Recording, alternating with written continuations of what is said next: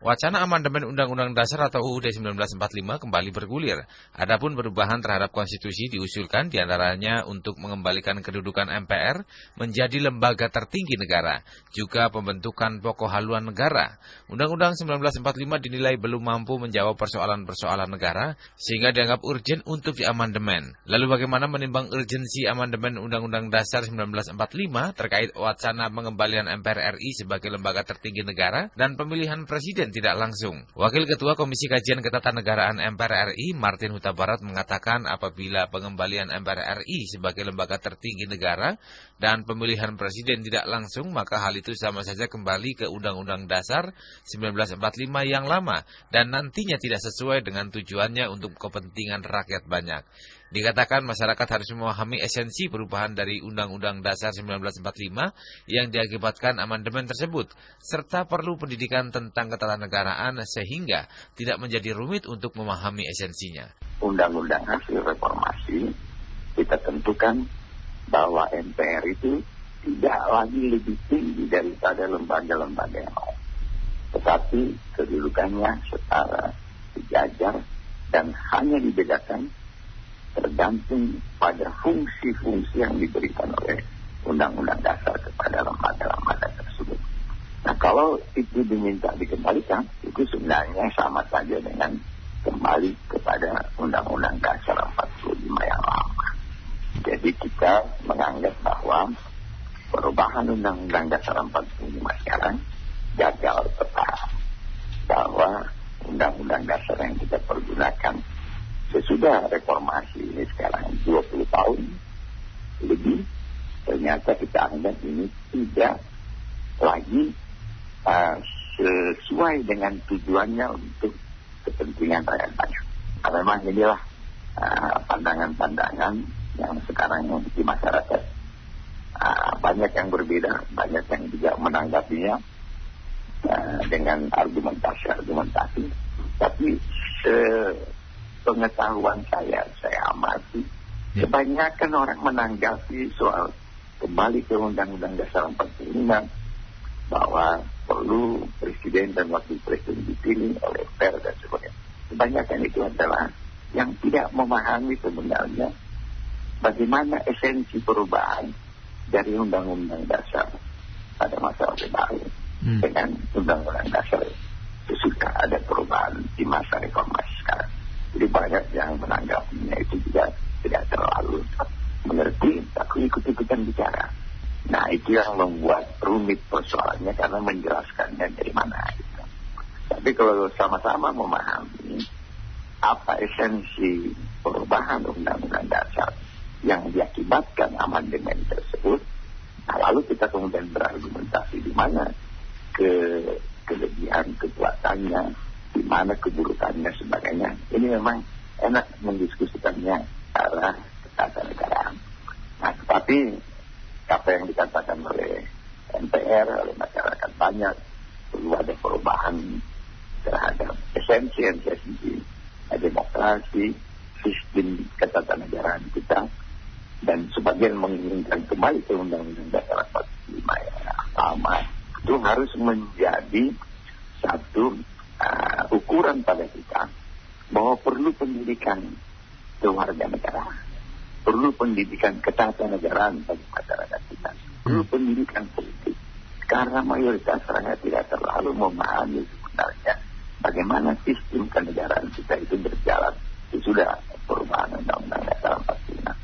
Tapi yang paling penting dari pertemuan di mana Presiden hadir di tengah-tengah kita di gedung MPR pada hari konstitusi itu adalah Presiden mengatakan silakan mau mendiskusikan apa saja tetapi yang pokok adalah jangan sekarang kita diskusikan itu nanti sesudah selesai pilpres sesudah selesai pemilihan umum hmm. di mana ada suasana yang lebih dingin tenang kita memikirkan apa yang terbaik bagi kepentingan bangsa hmm. kita dalam sistem ketatanegaraan yang kita sedang kerjakan.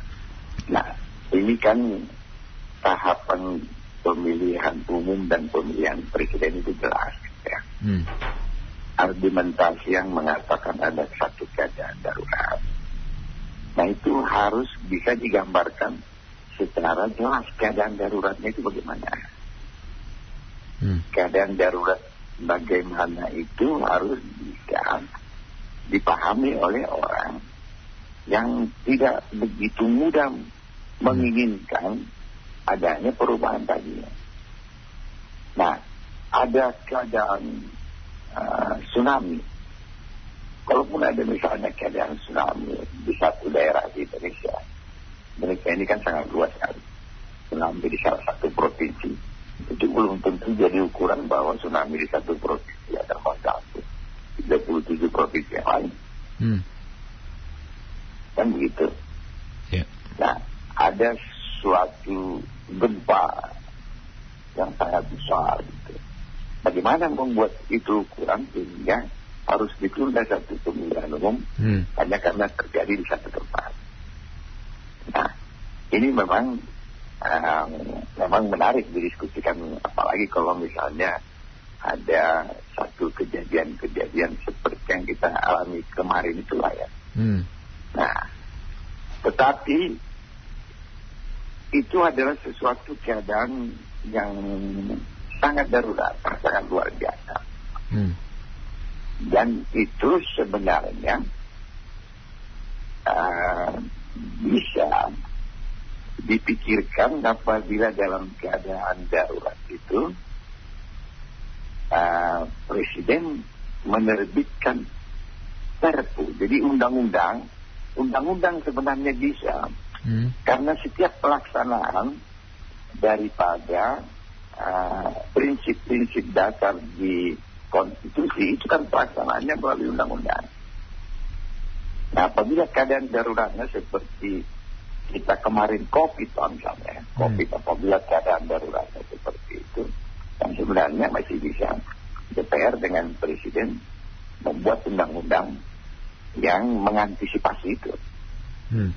Nah, tetapi kan dilihat bahwa argumentasi seperti ini kan seolah-olah argumentasi yang dibuat-buat.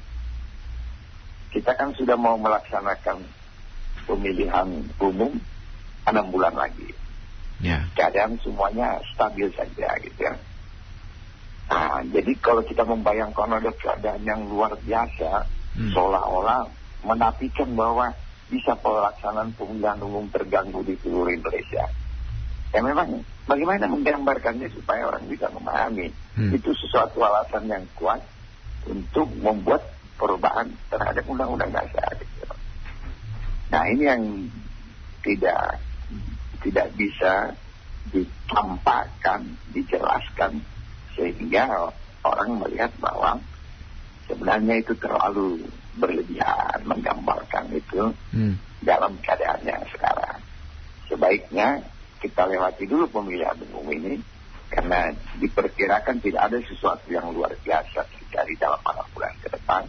Lalu sesudah itu ada pikiran-pikiran yang mau kembali ke undang-undang dasar yang lama, mau presiden dan wapres dipilih oleh MPR, atau ada keadaan darurat Hmm. sehingga memerlukan amandemen undang-undang dasar dan sebagainya, itu kita akan pikirkan, lakukan sesudah selesai umum. Sebab antara bulan Februari dengan bulan September ada waktu yang panjang kalau memang ada niat kita untuk mendalami, memikirkan, memperbaiki atau merubah konstitusi sesuai dengan harapan-harapan yang ingin menginginkan. Sementara itu peneliti Perkumpulan untuk Pemilu dan Demokrasi atau Perludem Ihsan Maulana mengatakan tidak ada urgensinya melihat kenapa sebelumnya MPR yang dulunya adalah lembaga tertinggi negara menjadi lembaga tinggi negara adalah dikarenakan ada semangat untuk menyamakan antar lembaga negara yang lainnya sehingga antar lembaga yang ada bisa saling mengisi dan saling mengawasi. Dikatakan kenapa isu ini dihembuskan waktunya kurang dari setahun menjelang pemilu sehingga ini menurutnya tidak ada urgensinya. itu jelas tidak ada urgensinya Hmm. karena kita tahu bahwa ada luka masa lalu ya kenapa akhirnya ada perubahan proses eh, kepemimpinan dari yang tadinya dipilih oleh MPR kemudian berubah menjadi pemilihan secara langsung. Nah, Hmm. rasanya juga perlu melihat ulang tuh nafas dari reformasi, semangat saat itu kenapa akhirnya uh, dirubah ya dari yang tadinya MPR sebagai lembaga tertinggi negara menjadi lembaga tinggi negara saja karena ada semangat untuk menyamakan antar lembaga negara yang ada di Indonesia dalam konteks uh, ketatanegaraan Indonesia ya kami yakin MPR juga mengetahui bahwa saat ini bukan pakai sistem separation of power ya. Hmm. pemisahan tidak. Tapi distribution of power. Jadi satu lembaga dengan lembaga negara lain itu uh, memiliki kewenangan yang kita kenal sebagai check and balances gitu ya. Satu sama lain itu saling mengisi saling mengawasi. Nah rasa-rasanya isu untuk mengamandemen kembali Undang-Undang Dasar 1945 apalagi merubah sistem pemilihan umum, ini sangat tidak ada urgensinya. Apalagi kita tahu uh, ini dilakukan atau hmm. isu ini dihembuskan kurang dari setahun sebelum menjelang waktu pemilihan umum yang akan dilakukan di Februari 2024. Jadi ini kami rasa hanya apa? Hanya untuk melemparkan isu kepada publik di tengah tahapan penyelenggaraan pemilu yang semakin kompleks. Ya kalau isunya kenapa itu yang memang perlu diklarifikasi oleh MPR begitu. Hmm. Karena kan isu perubahan undang-undang dasar ini kan sebetulnya tidak bunyi hanya di momentum hari ini saja. 2019 bahkan uh, sudah mulai ramai ya dan sebelum-sebelumnya. Hmm. Waktu itu narasinya adalah bukan mengembalikan MPR sebagai lembaga tertinggi atau pemilihan presiden melalui MPR, waktu itu adalah bagaimana mengembalikan garis-garis besar haluan negara yang akhirnya ramai ditolak karena isunya tidak urgensi dan tidak menjawab sebetulnya tantangan Indonesia hari ini gitu. Hmm. Kemudian di tengah tahapan penyelenggaraan pemilu justru isunya makin liar gitu ya. Kami sih menangkap bahwa MPR sebetulnya memang pengen sejak lama merubah Undang-Undang Dasar 1945, tapi karena saat ini momentumnya adalah tahapan pemilu, akhirnya isu kepemiluan lah yang disenggol ya dalam konteks uh, apa statement merubah Undang-Undang Dasar 1945. Jadi kalau hmm. ditanya urgensinya apa ya sebetulnya tidak ada urgensinya sama sekali. Oh isu yang dilemparkan untuk merubah Undang-Undang Dasar 1945 kalau kita lihat di ruang publik perdebatannya itu masih bisa didiskusikan lanjut karena tidak ada urgensi yang sangat nyata ya kalau hmm. kita uh, lihat begitu. Dan ketika disampaikan kenapa akhirnya harus merubah Undang-Undang Dasar 1945 menempatkan MPR sebagai lembaga tertinggi misalnya dan juga pemilihan presiden tidak langsung, itu tidak ada kajian dasar akademik yang disampaikan secara uh, terbuka untuk kemudian itu bisa di-challenge oleh publik kan. Hmm. Ada isunya mengalir saja gitu ya di tengah situasi kita tahu tahapan pemilihan umum sudah sudah mulai ramai berjalan isu ruang publik hari ini kan fokus pada isu capres cawapres, hmm. calon anggota legislatif, kampanye sebentar lagi gitu ya. Hmm. Ini hanya dilihat momentum saja untuk bisa meramaikan ruang publik, namun caranya salah gitu dengan menghembuskan pemilihan tidak langsung melalui MPR dan mengamandemen undang-undang dasar itu nggak ada urgensinya. Demikian rangkuman diskusi interaktif bersama Wakil Ketua Komisi Kajian Ketatanegaraan MPR RI Martin Huta Barat dan peneliti Perkumpulan untuk Pemilu dan Demokrasi atau Perludem Ihsan Maulana. Saya Semi Burhani, terima kasih.